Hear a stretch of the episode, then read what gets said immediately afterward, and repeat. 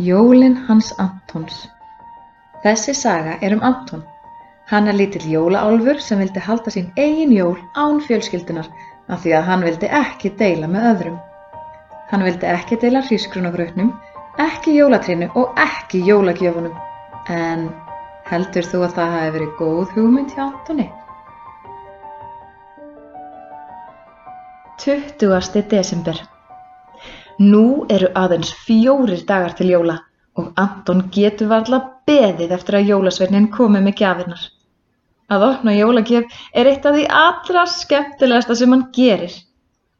Anton brosir þegar hann hugsar um hvernig Alfreð hoppar um af spenningi áður en hann opna pakkana sína og svo þvælist hann allur í pappirnum sem hann rýfur utan af pökkunum. Kanski hann ætti að búa til jólagjöf handa Alfreð. Alfreð yrði öruglega ánaður með að fá óvænta gjöf. Anton sest við opnin og finnur sér góðan trjábút. Hann tekur upp vasahnífin sem pappi gaf honum einu sinni og byrjar að tálka. Smám saman breytir hann trjábútnum í lítinn bústinn grís. Þegar hann lítur á klukkuna sér hann að tíminn hefur flóið áfram að meðan hann vann. Anton er ánaður með árangurinn. Hann stendur á fætur og finnur pappakassa sem hann setur grísin í og svo bindur hann fallega slaufu utanum pakkan.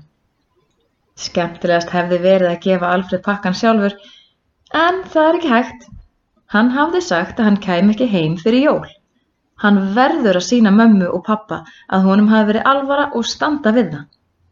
Anton ákveður að þessi best að reyna að finna jólasveinin og byggja hann um að koma pakkanum til Alfreds.